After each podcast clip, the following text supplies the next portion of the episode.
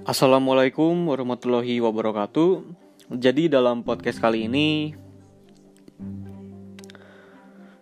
saya akan membahas filosofi teras. Jadi apa sih yang dimaksud dengan filosofi teras ini? Filosofi teras ini adalah prinsip filsafat yang dahulu kuno itu orang-orang berkumpul di dalam teras dan saling belajar tentang prinsip ini. Intinya dari filosofi teras ini dia bentuk pertahanan terhadap diri dalam manusia. Loh, kok bisa? Ya karena prinsip dari filosofi teras ini Intinya adalah kita tidak bisa mengendalikan sesuatu yang eksternal. Dalam artian itu berada di luar kendali kita. Nah, jadi apa sih yang bisa kita kendalikan sepenuhnya dan dalam kendali kita itu? Jadi yang bisa kita kendalikan sepenuhnya adalah reaksi dan pemikiran kita atas hal-hal yang menimpa kita. Jadi saya akan menjelaskan bahwa contohnya contohnya ketika kita misalkan ingin pergi ke suatu tempat tapi si jalanan itu lagi macet-macetnya dan macet parah tuh. Dan kita terus ngomel-ngomel bahwa ini macet. Kok nyebelin banget gitu? Dia mengganggu waktu kita terus sangat kesel pokoknya kalau misalkan dengan macet. Jadi percuma aja karena macet itu berada faktor di luar kita. Yang artinya dia bukan kontrol sepenuhnya dari kita jadi percuma dong kalau misalkan kita marah-marah pada macet itu kita ngedumel pada macet itu karena ketika kita marah dan ngedumel pada macet itu si macetnya toh nggak berhenti juga. Ya tetap aja sama aja. Jadi yang bisa kita kendalikan pada saat kondisi itu adalah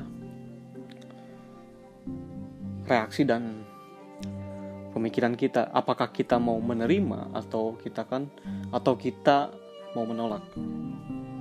Jawaban yang paling direkomendasikan oleh filosofi teras adalah kita menerima sepenuhnya. Dan prinsip ini mengajarkan bahwa kita itu harus selaras dengan alam. Nah gimana contohnya? Jadi selaras dengan alam ini misalkan kalian nih kalau mau pergi keluar ngumpul sama temen atau kerja gitu. Kalian kan dari rumah itu kan siap-siap terus makan dulu terus mandi. Nah pas beres semua itu pasti kalian mau berangkat kan? Nah pada saat mau berangkat ini tiba-tiba turun hujan. Dan itu sangat kesel sekali kan? Jadi reaksi terhadap hujan itu sebenarnya kalian yang menciptakannya sendiri. Dan reaksi bahwa kalian emosi dan marah pada hujan itu sebenarnya kalian sendiri juga. Nah, balik lagi pada saat kasus kemacetan tadi, hanya kita yang bisa mengendalikan kontrol kita yaitu dengan cara reaksi kita dan pemikiran kita apakah kita mau menerima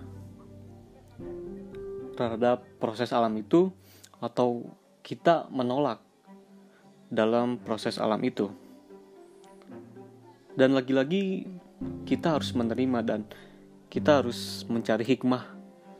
Ya mungkin Tuhan memberikan hujan bahwa kita tidak boleh pergi pada waktu saat itu karena ya bisa apa-apa gitu. Jadi kita menikmati dan juga ya sambil makan gorengan atau enggak ngopi atau ngerokok lah sambil nungguin hujan kan. Bisa atau enggak ngelakuin kegiatan apa gitu. Jadi yang dimaksud dengan selaras dengan alam adalah ya seperti itu. Dan yang terakhir adalah prinsip ini mengajarkan bahwa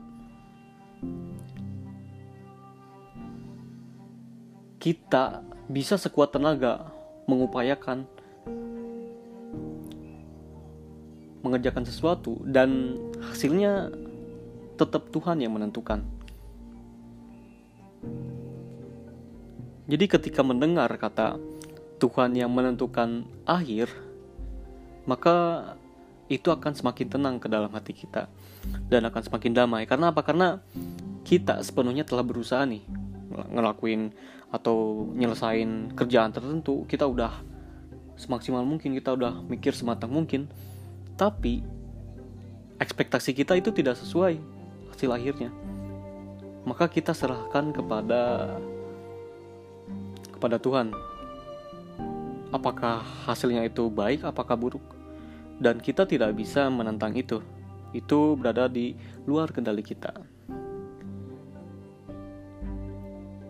jadi istilahnya adalah kita bisa melakukan sekuat tenaga sesuatu dan hasil akhirnya Tuhan yang menentukan. Jadi intinya adalah itu sih tentang filosofi teras dan juga mohon maaf bila ada kata-kata kurang sempurna sekali lagi dari saya dan juga kata-kata yang menyinggung dari saya. Wassalamualaikum warahmatullahi wabarakatuh.